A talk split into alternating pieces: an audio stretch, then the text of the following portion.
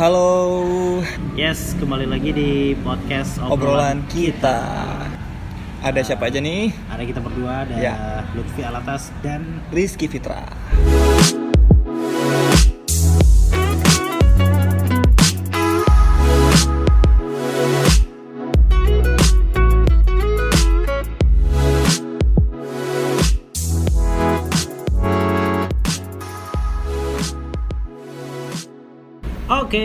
Kita sudah masuk di ke Enam.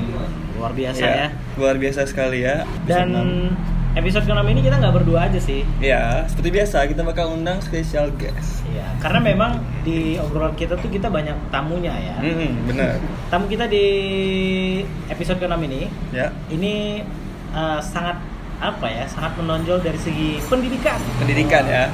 Wow. Terus sangat eh, menurut saya sih sangat memotivasi banyak orang juga. Hmm, Ya, sama sih menurut Sama saya ya. gitu. Terus eh, kalau kita lihat di Instagramnya udah eh, sering jalan-jalan. Seringnya jalan ya. Baik ke mana-mana ya. Jalan-jalannya nggak tanggung-tanggung loh ya. Iya, benar-benar. Eropa. Nanti Iya. kita tanya-tanya sama dia ya. Iya, iya. Bintang tamunya adalah Jus Maidi. Iya, my D. Halo. halo. Halo, halo, halo. Iya. Assalamualaikum. Ya, assalamualaikumnya di belakang ya Pak. Enggak, saya mau assalamualaikum ke dia. Oh gitu. Gimana nih bro? Apa kabarnya? Ya. Alhamdulillah sehat, kayak biasa ya. Ya, alhamdulillah. Sehat, semangat ya gitu-gitu aja.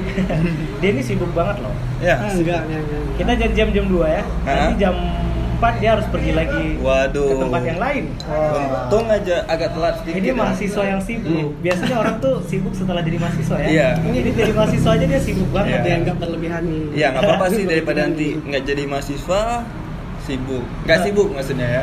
Tebaliknya dari itu Iya maksudnya. iya benar benar. Oke ini kita rencana ke arah dia aja kali ya supaya suara dia masuk. Oke.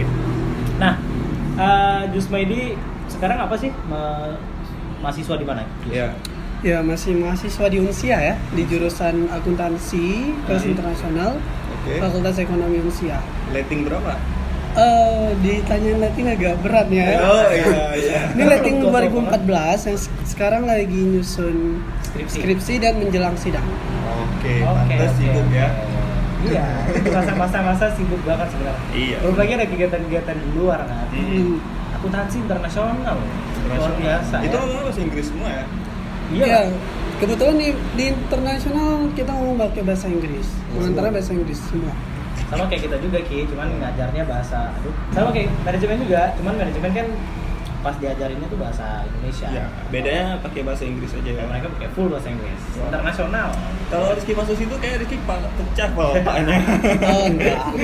limited edition, limited edition kayaknya ya, yang masuk-masuk situ. Iya, limited edition. Hmm, kalau dibilang limited edition mungkin enggak juga ya. Jadi kayak siapa yang mau terus seleksi kalau misalnya memang dianggap lulus kan masing-masing punya kriteria masing-masing ya. Jadi Ya. Kalau misalnya memang dianggap mampu oleh uh, penguji Hmm. ya masuk. Kalau enggak ya mungkin bakalan ada dikasih kesempatan lagi. Oh, Jadi oke, enggak enggak oke. seberat yang dikira. Iya. Tapi intinya kalau masuk situ harus seleksi dulu. Seleksi dulu. Seleksi ya. Sudah masuk usia susah, masuk situ Iya. seleksi lagi. Enggak, ya. berarti kan masih sempat ngerasain kuliah yang belum internasional, maksudnya kelas biasa. Sempat nggak? Enggak, kalau di akuntansi kelas internasional sendiri kita langsung dari semester awal tuh udah pakai bahasa Inggris. Oh, udah langsung masuk Iya. internasional. Um, mungkin kalau di fakultas hukum kan sempat ngerasain yang kelas reguler dulu Ah. nih. Tapi kalau di internasional di IAP itu agak beda, di akuntansi itu agak beda. Jadi kita begitu tes dan kalau lulus semester satunya mulai dari semester satu tuh langsung di kelas internasional sampai akhir. Jadi tapi kayak eh, teman-teman lighting nih ada dibedain nggak? Maksudnya anak IAP sama anak biasa Hmm. gitu. Dibeda, maksudnya dibedain? Maksudnya kayak kan di akuntansi itu nggak semuanya anak IAP, Mm, iya, ada iya. anak akuntansi biasa istilahnya. Mm. Itu ngerti bahasanya apa sih? Mm. Nama sebutannya apa tuh? Oh, reguler ya. Reguler. Ah, reguler. Cuman ya nggak ada beda ya karena ke secara kurikulum sama. Hmm. Cuman bedanya itu di bahasa pengantar. Untuk fasilitas juga sama sebetulnya. Jadi kayak fasilitas apa yang didapat eh, dari anak reguler sama di anak internasional. Di anak internasional juga sama kok dengan anak reguler. Cuman beda di pengantar bahasanya, kemudian ya materinya ya notabene-nya di dalam bahasa Inggris udah pasti. Oh, tapi kelasnya juga beda berarti ya. Kelasnya beda karena kita harus dikondisikan dengan bahasa Inggris. Kalau misalnya anak reguler masuk ke kelas internasional, otomatis eh, bukan ini lagi dong, udah bilingual jadi. iya, Oh, itu dia. Ya, benar. Tapi eh, kalau misalnya kita lihat Mighty ini ya, Hmm. mungkin eh, teman-teman yang dengar podcast ini pasti udah tahu dong siapa ya. Iya. Bahkan di Instagramnya apa sih? Just my at just my underscore. At Ismaidi underscore. Oke. Itu kan sering jalan-jalan. Iya, jalan-jalan. kan? sering pertukaran pelajar ke mana-mana. Udah udah ke mana aja sih? Ah, Eh, Cerita dong. Iya, Share cerita ya. aja. Oke oke oke. Jadi soalnya. bagi ya. pengalaman buat kita berdua nih. Iya. Supaya kita bisa ikut juga. Iya. ya alhamdulillah eh, kalau bicara tentang apa tadi exchange ya, Ya. apa beasiswa apa segala macam itu Heeh. itu di tahun 2016 alhamdulillah tuh berangkat ke Italia selama 10 bulan ya hampir setahun lah Tahun berapa? 2016 jadi baliknya 2017 ya. Oke. kemudian pas balik ada jeda sekitar bulan-bulan akhir-akhir November akhir Oktober kalau nggak salah itu berangkat lagi ke Malaysia untuk ikut konferensi pemuda tapi dibayarin ya, sama dibayarin sama ininya cuman seminggu Oh, seminggu. Seminggu ya. Oke. Oke. terus libur lagi Hmm. terus eh, di Januari 2018 berangkat lagi ke Lituania itu ikut apa ya eh, seperti pertukaran budaya dan bahasa tapi Sebulan. untuk ya sebulan di Lituania musim salju Wow. musim salju Lituania. Iya Lituania itu Eropa Timur Eropa Timur. Berhubung ngomongin salju nih, gimana pertama kali? Itu pasti pertama kali masa-masa yang pertama kali Iya. ketemu salju gitu kan? Kita- itu gimana tuh? Pertanyaan kita norak banget ya. Ya, nggak apa-apa, soalnya nggak benar. iya iya bener-bener ya kayak apalagi kalau kita yang Asianis banget itu kayak kita eh, pengen tahu ya gitu di pertama kali ngelihat salju tuh kebetulan di Jerman Ah. di Bayreuth kota Bayreuth Hmm. dan ya waktu itu eh, kita di bus waktu itu jadi berhenti sebentar dan minta izin ke sopirnya bahwa ini salju loh kami pengen lihat Iya. jadi eh, apa, se- ya se- senorak itu juga sama kita nih ini sama nih ceritanya dan ketika pertama kali ngeliat salju tuh otomatis kayak kita histeris ya Iya, pasti ya. histeris Aku aja yang ngeliat wah gitu kan. Ah, pegang gitu. ya histeris waktu itu histeris jadi kayak pengen ngerasain langsung dengan kulit terbuka Hmm. cuman kita nggak sampai buka baju lah Ya, gila. jadi kita buka sarung tangan itu sampai lempar-lemparan salju pengen mastiin ini beneran salju Ah. terus sempat jilat juga sempat jilat bener ya. Jilat, Untung nggak ya. taruh sirup ya. Iya. Cendol. iya pas padahal ya buat sirup habisin sih tapi itu histeris apalagi kira-kira ya. itu udah pasti kita Excited lah ya. pokoknya seneng banget karena kita nggak pernah lihat Iya, tapi kalau kita udah sering lihat kan biasa ya Ya. jadi itulah kalau kita nggak pernah lihat sesuatu kemudian di- dikasih nampak itu Pasti. gimana kayak kita ketemu idola Bener bener bener. Udah tahu Biasa- rasanya gimana? Biasanya itu cuma di TV atau di gambar, di ah. sosial, tapi ini real. Oke. Terus selain itu ke mana lagi? Banyak nih kayaknya ke mana ya? Banyak ya? Hmm, kemarin baru-baru ke Turki sih Turki, ikut ya? ah, ik- itu ikut magang internasional yang dipilih eh yang, yang diselenggarakan oleh eh, TBB kalau dalam bahasa Inggrisnya eh, Turkish Municipality Oke. Itu kayak itu di Turki ya Oke. jadi kami di apa kami belajarnya itu selama 10 hari Ah. di di benua Asianya Turki juga benua Eropanya Turki jadi kita belajarnya di tiga kota waktu itu di kota Ankara ibu kota Turki kemudian eh, karena tema yang diusung waktu itu adalah tentang refugi Ah. jadi kita dibawa ke Gaziantep Gaziantep itu perbatasan Suriah Oh, Hmm, perbatasan Serem Suriah. ya. Jadi kita ketemu sama asylum seekers di sana. Kita ketemu dengan anak-anak di pengungsian. Hmm. Jadi kita ngelihat langsung gimana mereka ditampung oleh negara Turki. Terus terakhir kita di- kita ditampung di Istanbul, programnya di Istanbul itu fully funded, semuanya ditanggung oleh Turki. Wow. Itu berapa lama? 10 hari. 10 hari. Wow. Amazing. Biasa. Dan ini kan semua di share di media sosial. ya? Iya. Ah, dan kalau misalnya teman-teman yang follow Instagram Gismaidi juga pasti udah tahu historinya dia lah Iya. Ah, perjalanan hidup dia lah ya. Iya, benar. Saya itu baca jadi ngefans sama dia ya. Oh iya. Ini orang ngefans banget, aku ngefans banget sama dia gitu. Ceritanya gitu. Iya. Setelah baca cerita ceritanya, sering banget share di media sosial. Itu semua yang di share itu beneran dia alami. Iya, itu berdasarkan cerita-cerita masa lalu, kemudian apa yang kita gimana ya kita bilang. Gini, kita kita pasti punya Cerita. cerita, semua. Ah. Cuman bagaimana cara kita mengemas ya kan? Iya. Iya, Jadi nggak mungkin dong kita apa gimana itu dulu ya? Eh, bulat-bulat Ah, tahu gimana bulat apa bulat-bulat dari A sampai Z tapi Iya. kita harus ada yang dipotong-potong Oh, dipadukan jadi ya intinya yang di sosial media itu cerita pengalaman yang udah pernah terjadi tapi kita set sebagai se, segimana mungkin supaya uh, feel-nya dapat dan nggak nggak kececeran Oh, iya, ceritanya iya. nggak nggak lari-lari gitu Berarti setiap upload misalnya hari ini, besok saya cerita tuh nyambung atau gimana? oh sebenarnya nggak nggak tergantung dari itu Oh. dan untuk setiap caption dan cerita-cerita itu sebenarnya nulisnya itu berdasarkan mood. Oh. Nah, Nah itu dia saya mau nanya, apakah setiap kejadian itu langsung ditulis atau dikumpulkan dulu baru ditulis di suatu waktu gitu? Ah. Atau gimana? itu eh, ya setiap kejadian itu ditulis, Cuma kemudian ya? eh, kemudian nanti kalau misalnya memang oh ini waktunya lagi pas momennya yang kayak gini, Hmm. jadi upload yang kayak gini. Tapi kalau misalnya oh kayaknya nih pasnya tuh yang kayak gini, jadi uploadnya tentang ini. Gitu. Oke, oke, oke, oke. Jadi memang sebenarnya kalau dari lihat dia cerita tuh kayak baca novel gitu nggak sih? Emang punya skill, abang suka nulis ya atau gimana? Hmm. Kalau ya? nulis sendiri Atau Ceri- suka baca? cerita kan nulis ya jadi kalau untuk nulis sendiri sebenarnya kalau untuk nulis kayak novel tuh mungkin belum belum sampai ke situ karena kita masih nulis berdasarkan mood jadi kalau lagi mood ya udah nulis kalau lagi nggak mood ya malas itu namanya manusiawi ya Oh, iya. Sama kayak buat skripsi ya. Iya. Kalau Iya, masalahnya iya. skripsi itu bukan novel. Bukan novel. Cuma novel pasti selesai cepet dia. Iya. Bukan novel tapi cerita ya.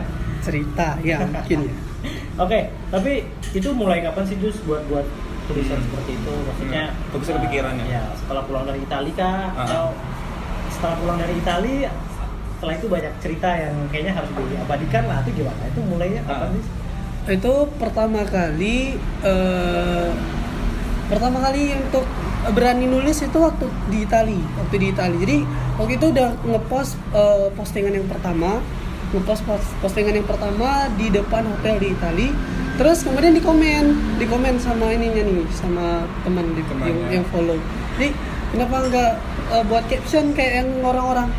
Saya nggak ngerti nih caption tuh seperti apa karena agak gaptek di bidang teknologi. Oke. terus cari tahu oh ternyata caption itu ya ada yang disampaikan nah dari situ kemudian terpikir untuk oh ya kenapa nggak coba eh, setiap foto itu kita buat cerita setiap foto dibuat cerita nah jadi berawal dari situ jadi kayak ke keterusan untuk eh ya udah kita nulis ini ya udah saya nulis ini coba nulis ini nulis nulis nulis nulis akhirnya terkumpul banyak gitu. Wow. Yes, yes, yes, Luar yes. biasa. Jadi memang ada prosesnya ya. Ada prosesnya Hmm. semua. Tapi sadar gak sih ternyata tulisan-tulisan Gus Maidi itu eh, menginspirasi banyak orang. Hmm. Sa- sa- sampai kan terus-terus kan, keterusan. Ah, ya. ah, iya, Dan iya, iya, iya. Setiap postingan tuh pasti komennya banyak banget. Bagus Iya. banget kak, apa segala macam. Iya. Kapan gimana ya cara bilangnya ya bahwa oh ternyata tulisanku ini memotivasi banyak orang sadar Hmm. sih? Eh, sebenarnya eh, tujuan awal adalah cuman untuk mengekspresikan jadi kayak menyalur sekalian menyalurkan ke mana nih tulisan ini mau ditaruh jadi Oke. dulu pernah nulis di laptop yang lama tapi kemalingan jadi semua tulisan di situ raih Oh, iya, nah iya. jadi kayak eh, untuk mulai dari awal lagi itu agak berat nah jadi kayak oh apa yang udah didapat coba deh tulis pelan-pelan Hmm. mungkin nggak bisa ditulis dalam bentuk buku bisa jadi di dalam hal-hal yang simple kayak di Instagram Oke. nah eh, berawal dari situ dulu terus kemudian eh, kan kita nggak pernah tahu respon orang tuh kayak gimana Iya. mungkin ada yang eh, pro ada yang kontra terhadap apa yang saya tulis Iya. ya itu terlepas lagi dari eh, cara mereka memandang nah kalau misalnya sekarang orang-orang bilang oh ini bagus apa segala macam Mhm. alhamdulillah kan jadi kayak oh ya udah kalau misalnya memang bagus ya semoga bermanfaat tapi kalau misalnya memang nggak bagus kita butuh kritikan kritikan yang banyak Nah, itu pernah nggak kejadian yang orang komen hal negatif gitu? Padahal kan Eh, itu cerita oke. bagus ya. Ah, baru cerita bagus. Mungkin nggak tahu kan dunia maya. pernah sih tapi satu dua orang deh ya dua orang paling ya dua orang saya ingat dua orang itu Eh, tapi Tapi eh, nggak- akhirnya nggak ngefek ak- juga, kan? akhirnya gigi gini nggak eh, sebenarnya dia cuman ngasih tahu itu eh, apa nggak terlalu over ya buat tulisan sepanjang itu di Oh. caption Ah, jadi kayak cuman itu sih komentarnya dan sa- saya ngejelasin eh itu ini Instagram saya loh gitu. Kalau Iya. misalnya memang eh, mau baca berarti kamu mau baca kan? Jadi Iya. panjang kayak gitu kamu tetap mau baca. Eh, intinya ketika mereka berkomentar ya mungkin arahnya negatif ya kita tetap terima kita tetap terima. Karena setiap orang punya pemikirannya masing-masing ya udah gitu mereka juga punya hak untuk berpendapat kita juga punya hak untuk mel- melakukan apa secara positif Padahal kan itu kan media sosial ya. Kalau Iya. dia Hmm. suka ya silakan di follow dan silakan dibaca. Kalau nggak Kalau suka, nggak suka ya jangan dibaca. Dibaca, iya benar Iya, benar. benar. Sesimpel itu ya. Benar. Nggak perlu uh, berkomentar yang aneh-aneh. Sama kayak podcast ini juga sih. Ya. Kalau suka ya silahkan didengar. Dengar. Iya, benar. Kalau nggak suka, Ya nggak usah. Gak lupa juga, nggak ngefek-ngefek ke kita juga ya. Oke, tapi kan kalau ngomongin tentang cerita si Jusma ini Hmm. banyak banget, banyak banget. Kita tuh bingung mau mulai dari mana. Iya. Kalau kita suruh cerita pun kayaknya nggak cukup. Nggak cukup. ya. Sehari nggak cukup Iya, kayaknya. iya. Kalau kamu penasaran, gimana sih cerita-cerita menarik dia? Itu Iya. bisa follow Instagramnya Instagram baca. langsung. Banyak banget ya. Saya baca Iya. juga. Kalau malam ya, kadang-kadang kalau dia posting malam atau Hmm. saya kan kita kalau sebelum tidur kan buka Instagramnya Iya, benar. tiba-tiba ada postingan dia, dia saya baca gitu Hmm. gila ada orang best banget lah gitu ya kok bisa ada orang kayak dia gitu menginspirasi Ah, gitu berlebihan, mungkin mungkin orang lain juga gitu Kayaknya followersnya banyak cewek nih ya. kayaknya sih ya Iya. Iya nggak sih nggak tahu ya kamu pernah cek Enggak dari segi uh, suka bilang kalau nulis panjang di Instagram kan. Pernah nggak kepikiran untuk buat buku? Oh ya pernah. Jadi kalau eh, ya apa motivasi-motivasi untuk buat buku tuh sangat sangat banyak plus didukung lagi oleh Teman ya kawan-kawan keluarga juga. Hmm. Coba aja buat buku. Cuman eh, untuk sekarang itu agak berat karena Iya. kita lagi bikin skripsi nih. Iya, benar. Terus apa lagi ya?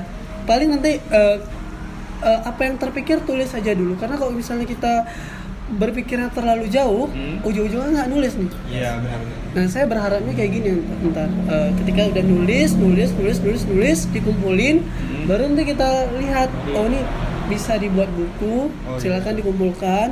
Oh iya. pernah tahu nanti ada penerbit atau eh, apalah ya istilahnya kalau di buku itu yang mau Iya. menampung ya lagi dengerin podcast ini Iya.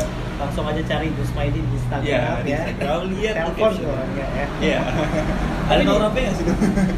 Eh, ada kayaknya ya. Oh, ada. kalau kan bisa DM juga Oh iya benar.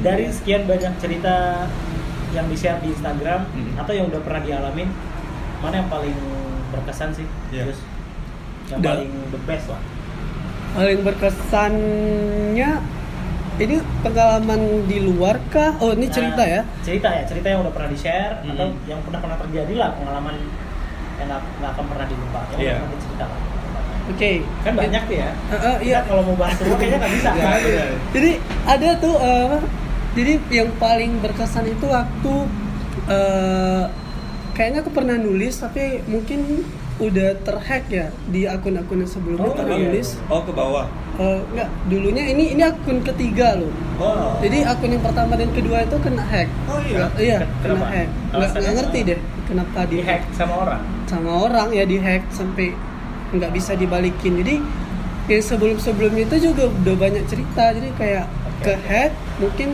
ada yang nggak senang apa segala macam itu kan namanya kita media sosial kita nggak tahu ya Kok bisa ya? Udah sampai segitunya? jadi pernah nulis tentang seminggu lagi itu mau berangkat ke Eropa. Jadi kayak udah beres semua visa paspor pas segala macam nah waktu itu eh, aku pakai ransel dan memang ranselnya bagus punya teman istri itu Nah, jadi eh, bawa ransel bagus dan di dalamnya itu ada laptop, terus HP itu HP baru loh, Iya. baru dikasih lagi. Iya. Waktu itu dari Melabuh tuh mereka ngasih HP, Iya. terus dikasih duit sekitar 4 jutaan kalau salah kalau Dari- salah ah, dari dari Melabuh juga. Terus itu 4 juta itu kan mau ini apa? Mau tukar ke euro waktu itu. Iya. Jadi kan apa persediaan untuk di Eropa lah, kita bilang. Hmm. Dan hari itu itu eh, ada ada rasa pengen eh bawa nggak ya paspor? Hmm. Mau bawa nggak ya paspor? Soalnya tuh mungkin ada keperluan apa segala macam. Iya. Dan alhamdulillah itu waktu itu nggak terbawa. Jadi kayak alat taruh aja deh nggak usah, kayak nggak penting. Iya. Terus bawalah tuh dengan barang yang banyak. Hmm. Naik bus Transputar aja. Iya. Terus sampai di kampus waktu azan terus aku jadi masbuk. Aku nggak tahu nih kenapa tiba-tiba mungkin ada yang ngikutin apa segala macam. Pas jadi masbuk tasnya aku taruh di pas di bawah kota amal terus pas siap salam kan masbuk nih ya jadi pas orang udah keluar aku masih berdiri kan masih Iya. sholat terus pas udah salam ngelihat kiri kanan eh tasnya udah nggak ada itu Iya, Aduh. jadi kayak Gila ya. Gila tuh. Gimana nih, jadi kan? Terus terus. Dan satu minggu lagi mau berangkat loh ke Eropa dan aku panik jadi keluar tuh lari. Langsung lari nggak pakai sepatu. Jadi orang orang kirain aku kayak kesurupan apa gitu. Dia kayak orang gila ya serius. Dia lari ke jalan tuh lari ke jalan langsung peri- lari ke parkiran lari ke mana aja. Ya mungkin ada yang mirip dengan tas punya aku jadi kayak Iya. ya Allah ini sambil gimana nih gimana nih? Udah panik udah panik udah panik. Karena data-data itu ada di laptop semua Terus kayak, Iya. Apa misalnya yang udah di scan semuanya di laptop termasuk cerita-cerita yang udah pernah aku buat terus udah panik tuh udah. Terus nyari eh, nyari ada CCTV nggak di ini? Rupanya nggak ada. Dan kita waktu itu belum ada CCTV di eh, apa? Di kampus itu. Terus terakhir eh, untung waktu itu ada dua HP satu HP itu HP apa nih ya yang Nokia yang udah lama banget ya di dari situ cuma bisa nelfon doang. Ini eh, barang udah hilang. Terus udah Telepon ke? Ke yang Eh, punya teman, tas. teman. ah yang punya tas. Kan tasnya tas orang kan? Iya. ini gimana nih ya? Tasnya udah hilang. Ah marah kan sama marah tuh. Eh, eh tapi di dalam tas itu ada laptopku HP HP ku. Ah. semuanya masih baru kan? Iya. terus eh, dokumen-dokumen aku yang penting di situ semua. Terus dengan uang 4 juta. Itu emang udah ya Allah. Udah nggak tahu lagi mau ngapain. Jadi Iya. kayak udahlah pulang dengan kosong. Jadi kayak tadi perginya tuh emang berat dan kayaknya lebih beban Berat, karena nggak ada ini nggak ada barang-barang lagi. Pulang dengan naik transportasi aja lagi tuh udah kosong. Jadi kayak apa ya gimana ya cara ngebalikinnya? Soalnya mau berangkat kan seminggu Iya, lagi. iya. terakhir dari besoknya aku langsung cari pinjaman ke mana-mana. Tolong pinjemin pinjemin dulu pinjemin teman dulu ke teman ya? Hmm. Dan juga kan harus beli HP baru ya Iya. karena waktu itu eh, mau nggak mau harus punya HP karena harus terhubung dengan emailnya profesor di Itali waktu Ah, itu iya, iya. jadi kalau misalnya nggak ada emailnya gimana dong mau ngubungin panitia untuk jemput Iya, iya. nah karena kan kita nggak bisa nelfon Hmm. jadi mau nggak mau tuh waktu itu harus pinjam sampai berapa juta dan untungnya ada yang minjemin ya dengan cerita-cerita yang seperti itulah Pengalaman Karena biasa. perjuangan dia untuk dapat beasiswa aja tuh udah luar biasa. Iya. Pas mau berangkat hilang lagi laptopnya. Cobaan. ya. Tapi eh, itu jadi pengalaman pasti. Iya. Hmm. Jadi pelajaran ya pasti buat buat semuanya kalau apa-apa tuh harus hati-hati, Ya. harus aware. iya bener dan Jadi- jangan ceroboh lah istilahnya Ya. Mungkin- biasa. Kita baru masuk ke ceritanya aja ya. Iya, Belum udah. ke inti pembicaraan kita tapi udah lama banget ya. Iya. Oke. Mungkin dari uh, motivasinya Ya, apa sih gitu? Apa motivasi Gus Maidi gitu sampai ya kejadian kan banyak banget ya kejadian Iya. yang kayaknya tuh gila kejadiannya tuh Iya. luar biasa gitu. Kayak tadi contohnya tuh. Itu salah satu contohnya, belum lagi contoh-contoh yang lain. Hmm. Motivasinya apa gitu? Bisa sampai ya udah terus di situ dan ngelakuin itu terus lah gitu. Misalnya contohnya kayak pendidikan, tetap kuliah gitu apa. Motivasinya apa? ya jadi eh, kalau dibilang motivasi sih ya motivasinya apa itu eh ini sebenarnya lebih ke masalah personal. Jadi eh, apa motivasinya itu personal. Jadi kalau aku pribadi eh, motivasinya kayak gini. Di keluarga aku nggak ada yang kuliah nih. Hmm. paling banter itu tamat SMA Ya. jadi setelah SMA ya udah nggak usah kuliah aja nggak usah kuliah langsung kerja. Itu juga berlaku untuk aku waktu itu mama aku nggak ngasih udah nggak usah kuliah kamu bisa kerja fotokopi apa segala macam atau ngecat ngecat atau potong-potong rumput. Dan aku nggak mau waktu itu nggak eh, nggak mau nggak kuliah aku pengen kuliah kayak orang-orang. Karena gimana ya berjuang untuk UN itu udah berat loh. Iya. berjuang untuk UN tuh udah berat terus kita berusaha untuk dapat uh, stuck di ranking yang bagus gitu kan. Iya, iya. terus tiba-tiba nggak dikasih kesempatan untuk cari ilmu yang lebih. Nah jadi motivasinya lebih ke situ jadi makanya waktu kita udah di sini terus kuliah ketika ada masalah oh ya udahlah masalah yang di sana ke mana lebih berat loh gitu jadi Oh, ya iya. ngapain dipikirin kali lah gitu ya udah jalanin aja karena udah pilihan aku ya udah harus di- dilewati Oke oke.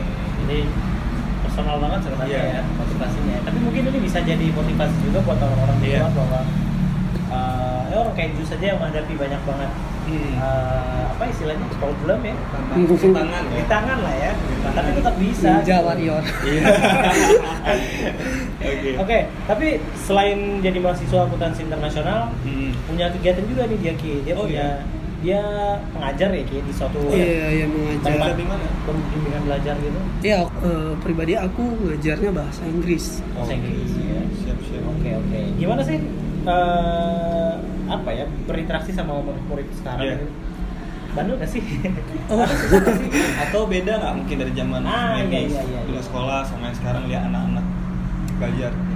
ya kalau kita bilang beda nggak beda atau enggaknya itu pasti setiap generasi ada perbedaan Iya, ya iya. kan Gener- setiap generasi ada perbedaan mungkin waktu itu kita merasa eh kita lebih mm, bagus loh dalam hal moralitas ketimbang anak-anak zaman sekarang. Hmm. tapi kan belum tentu. Waktu itu yang menilai kita itu orang-orang di atas kita waktu Iya, itu. Iya. nah kalau yang sekarang jujur secara pribadi mungkin eh, ya yang paling perlu ditekankan adalah pendidikan karakter dan akhlak. Itu itu sangat-sangat penting. Kenapa? Kenapa karena eh, sangat-sangat jelas perbedaan. Kalau kita dulu waktu masih anak masih ini kecil-kecil nih terus kalau misalnya kita ketemu sama orang yang lebih tua tuh pasti perasaan lu takut ya. Iya. jadi agak-agak gimana gitu segan nggak berani ngomong kasar atau Iya. keras-keras. Kalau misalnya bercandanya itu bercanda sama kawan nggak sampai melibatkan yang lebih tua dari kita. Iya, iya. nah kalau yang sekarang mungkin mungkin mereka agak lebih tertekan jadi eh, terasanya kayak mereka cari perhatian ke yang lebih tua. Oh aku butuh perhatian loh kak bang. Jadi ya mungkin faktor-faktor itu ya Iya. Nah. Jadi sih. Mungkin karena ini juga apa sekarang kan semuanya serba Digital. terbuka, digital. Ah. Jadi Iya. orang kayak berinteraksi dengan siapa aja ya kayak udah dianggap sama semua. Eh, eh, dan juga kan public figurnya ini kan sekarang udah banyak nih Eh, Oh, iya. pintar-pintar keluarga memilihkan dia public figurnya seperti apa Iya. kalau keluarganya bagus jadi mencontohkan eh, bapak ibunya sebagai public figure yang baik ya maka bakal baik itu Oke. Itu dia Jadi mungkin pengaruh ya dari ya banyak pengaruh Berarti susah termasuk susah nggak untuk berinteraksi sama mereka?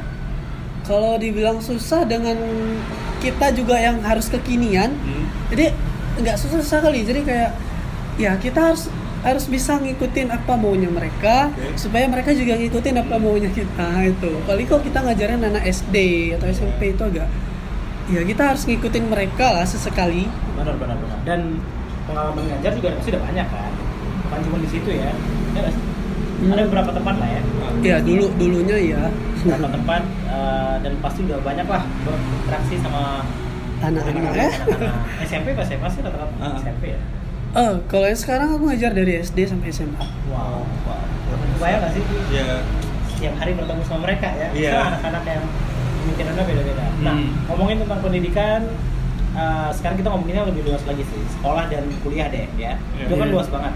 Gimana pendapat Yusmaidi nih eh, tentang ada pernyataan kalau sebenarnya eh, sekolah dan kuliah itu nggak bisa mengukur kesuksesan seseorang. Setuju nggak sih? hmm iya ya setuju nggak setuju sebenarnya Ya, gimana? Jadi setuju nggak setujunya gimana? Setuju nggak setuju? Bisa kita bilang setuju di sini, betul. Sekolah dan kuliah tidak bisa mengukur kesuksesan. Ya, sekarang bukan berarti kita udah sekolah, kita udah kuliah, terus lantas kita langsung sukses. Nggak bisa, nggak bisa kita ukur dari situ. Dan juga kita nggak bisa mengukur orang yang nggak pernah sekolah, orang yang nggak pernah kuliah, eh, bisa apa nggak bisa sukses kan Iya. kita juga nggak bisa bilang kayak gitu nah eh, sebenarnya ini lebih ke kayak netral di sini cuman eh, gambarannya seperti ini kadang ada orang yang menganggap alah kuliah itu nggak penting lah gitu. Yang penting passion.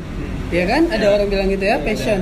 ya. Itu itu mungkin bagi dia kan karena setiap orang beda-beda pemikirannya. Hmm. nah ketika dia bilang passion ya udah mungkin dengan passion dia dia bisa sukses. Contoh ada orang yang putus kuliah kemudian dia buka usaha terus bangkit terus sukses. Kan kita nggak bisa bilang dia gagal karena dia nggak sekolah terus ada juga orang yang eh, dengan sekolah sekolah kuliah kuliah setinggi setinggi setingginya eh, terus sukses. Kan ada ada juga ya. Iya. dan ada juga orang yang sekolah sekolah sekolah terus nggak jadi apa-apa. Malah dia jadi pegawainya ya nggak sekolah. Nah jadi sekarang fenomena fenomena seperti itu udah sangat sangat banyak. Iya. nah ini bukan hal yang perlu diperdebatkan. Terlebih eh, masalah kesuksesan. Jadi kalau untuk mengukur mungkin ada benarnya sekolah dan kuliah tidak bisa mengukur tapi ada salahnya juga karena seharusnya eh, ini ini pendapat-pendapat seperti ini dikarenakan oleh orang-orang yang sekolah dan kuliah sendiri. Tahu gimana maksudnya? Dia Karena- sekolah, tapi ngerasa bahwa kayaknya nggak ada kemajuan. Ah, ah, jadi orang-orang yang sudah bersekolah dan kuliah sendiri yang buat opini seperti itu. Coba deh kita yang udah sekolah yang udah kuliah buktikan kalau kita emang bisa maju. Ah, jangan cuman tren gitu. Ya. Keren-kerenan apa ya ini apa eh, jadi sekolah jadi pelampiasan lah kata-kata seperti itu Hmm. ah iya iya kalau. Eki gimana? Kalau- setuju gak sih? kalau bukan Eki- setuju ya, tapi kayak dia pendapatnya lah. mungkin mirip-mirip ya karena kalau misalkan kamu kayak Jus Maidi bilang tadi bukan berarti yang eh, nggak sekolah itu dia nggak bisa sukses bahkan yang sekolah atau kuliah itu dia bakal sukses nggak juga kan mungkin eh, kebanyakan orang yang kayak gitu lebih ke gimana ya dia itu nggak ada usahanya gitu Hmm. jadi kayak misalkan udah lulus tapi dia yang ada usaha buat untuk sukses untuk ngelakuin sesuatu ya sama aja bohong kan itu aja sih perbedaannya kalau dia ada kemauan ya pasti insya Allah kita nggak tahu ke depannya gitu Iya iya iya luar biasa. Selama nggak menjadikan sekolah itu satu-satunya tempat belajar. Iya. Hmm. Dan nggak bisa dijadikan patokan ya sebenarnya ya. Iya. Bisa jadi patokan. Jadi ya apalagi kan kalau menurut aku nih semuanya karena sistem aja sih. Hmm. Orang tuh bisa sekarang lulusan satu kan banyak ya. Iya. Lulusan S2 juga banyak kan. Ah, Itu benar. juga Jadi- banyak Karena sistemnya kuat banget, jadi orang-orang pada ikut itu semua. Hmm. Dulu tuh orang eh, banyak juga yang kayak satu Ya. Temen yang SD S2. langsung kerja ya? Ya. Ada juga yang memang benar sukses gitu. Maksudnya mas tergantung dia tuh mendefinisikan sukses seperti apa. Iya. Kalau dia ngelakuin hal yang uh, menurut dia sukses, menurut, uh, menurut dia oke gitu, dan baik untuk dirinya dan orang lain, ya itu juga sukses dong artinya ya. iya Oke. Kalau kita ngomongin pendidikan, sekolah tuh kadang-kadang uh, kaku kaku banget gak sih? Maksudnya kayak kalau uh, zaman sekarang Iya, ya maksudnya kayak aku ngeliat orang anak-anak sekolah tuh kayak SD atau SMP mungkin pulangnya sore gitu. ini pelajarannya mulai bertambah yang segala macam apa Oh, gitu iya. ya nggak tahu juga sih Karena karena sekolah itu kan kita disamaratakan ya. Ya nggak Iya. sih sekarang sistemnya? Iya. Eh, kalau yang apa, kita kan sering curhat-curhat juga nih sama Hmm. anak-anak, Hmm. sama siswa-siswa yang bersekolah pastinya. Jadi ya menurut mereka kayak sekolah tuh udah terlalu ngepres ya, jadi menekan siswa-siswa sehingga eh, outputnya jadi eh, makin lama ya mereka yang ada nganggap bahwa ya sekolah itu kayak penjara loh, nah, penjaranya pendidikan. Iya. Jadi eh, jauh dari kata-kata fun, menarik, apa segala macam yang bikin Harusnya mereka excited. ya. Eh, harusnya kan kalau kita kita dulu itu eh, mungkin nggak nggak sepadat ini ya jadwal.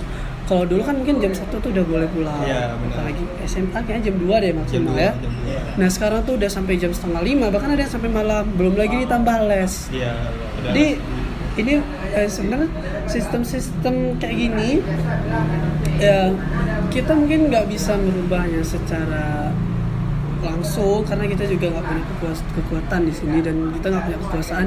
Cuman eh, mungkin pendapat kita pribadi eh, dengan sistem yang kayak gini justru malah bikin eh, kualitas-kualitas siswanya itu menurun Hmm. eh, dan jenuh ya. Ya. Iya. Kenapa eh, di luar sana eh, contohnya aja dari pekerja, kenapa mereka lebih produktif dari pekerja-pekerja kita? Iya. Di sana karena mereka jam istirahatnya itu lebih luang, lebih luas, jadi lebih banyak eh, untuk istirahatnya.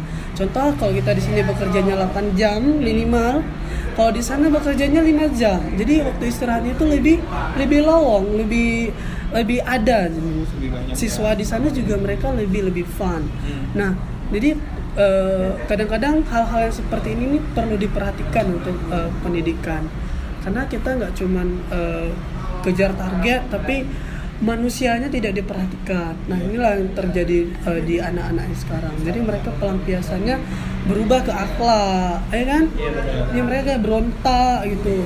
Terus ujung-ujungnya apa? Mereka ketika di kelas juga udah bosan mendengar guru ngajar Iya.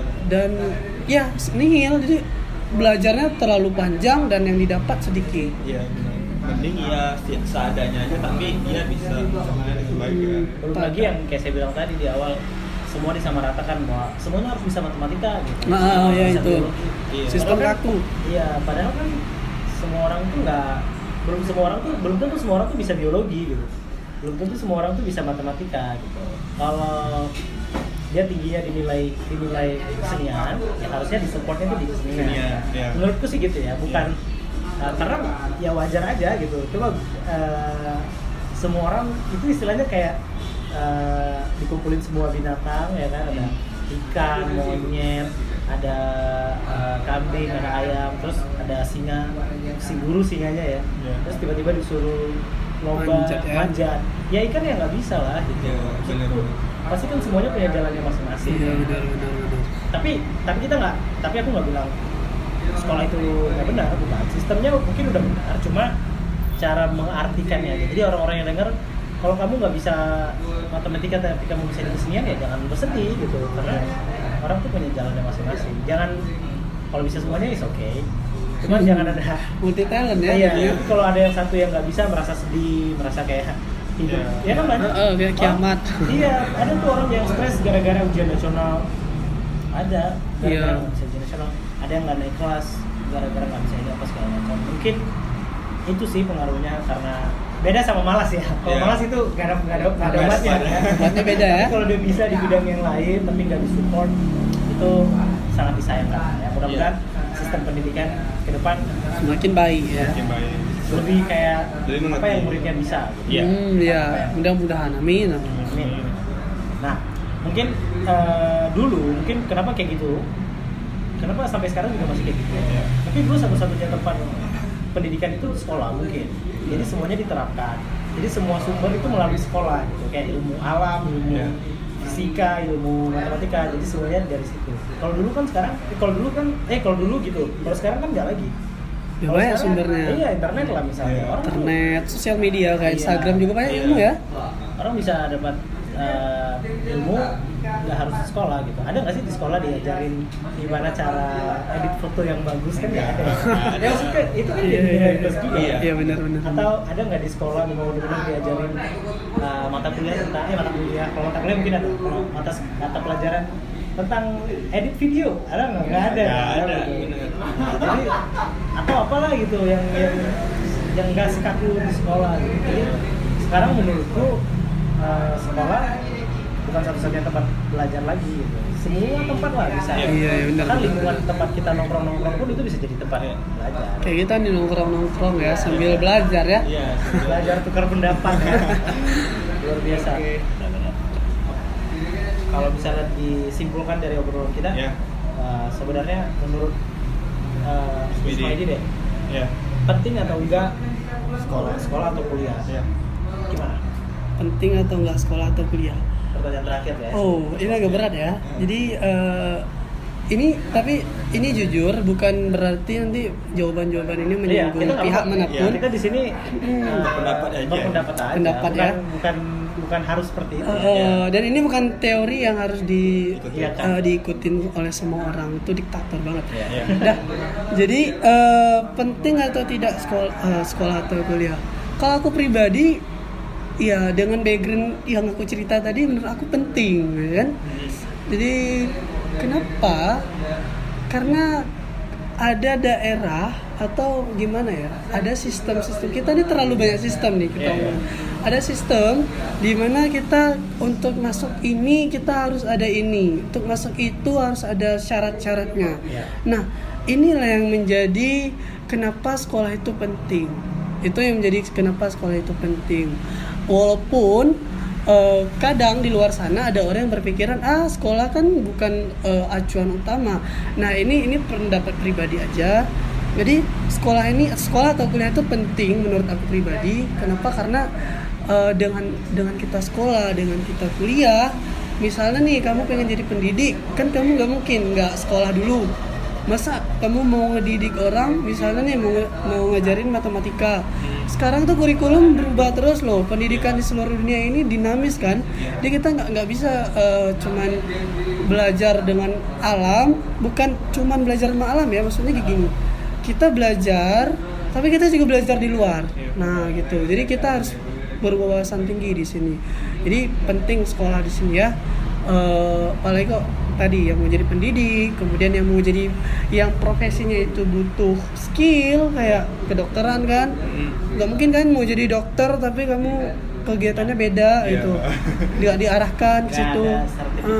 iya ada sertifikasinya. Dan nggak diakuin eh, dengan pendidikan. Iya. berani nggak eh, misalnya kayak gini eh, kita berobat terus ada orang yang dia dulunya tukang sapu terus tiba-tiba mau ngebedah kan agak ngeri ya Iya, benar. Dianya nggak ada punya pendidikan yang relevan di situ Iya. Eh, mati dong oke itu dia jadi selain dari passion sekolah juga penting Mbak. dan kayaknya bakalan lebih asik kan kalau misalnya kita sekolah dengan passion kita ya Iya. contoh punya skill. Eh, eh, kita kita sekolah di jurusan yang memang kita mau misalnya kita eh, bagus di jurnalistik sekolah di jurnalistik kan banyak ya sekarang ya. benar. Nah itu dia. Iya.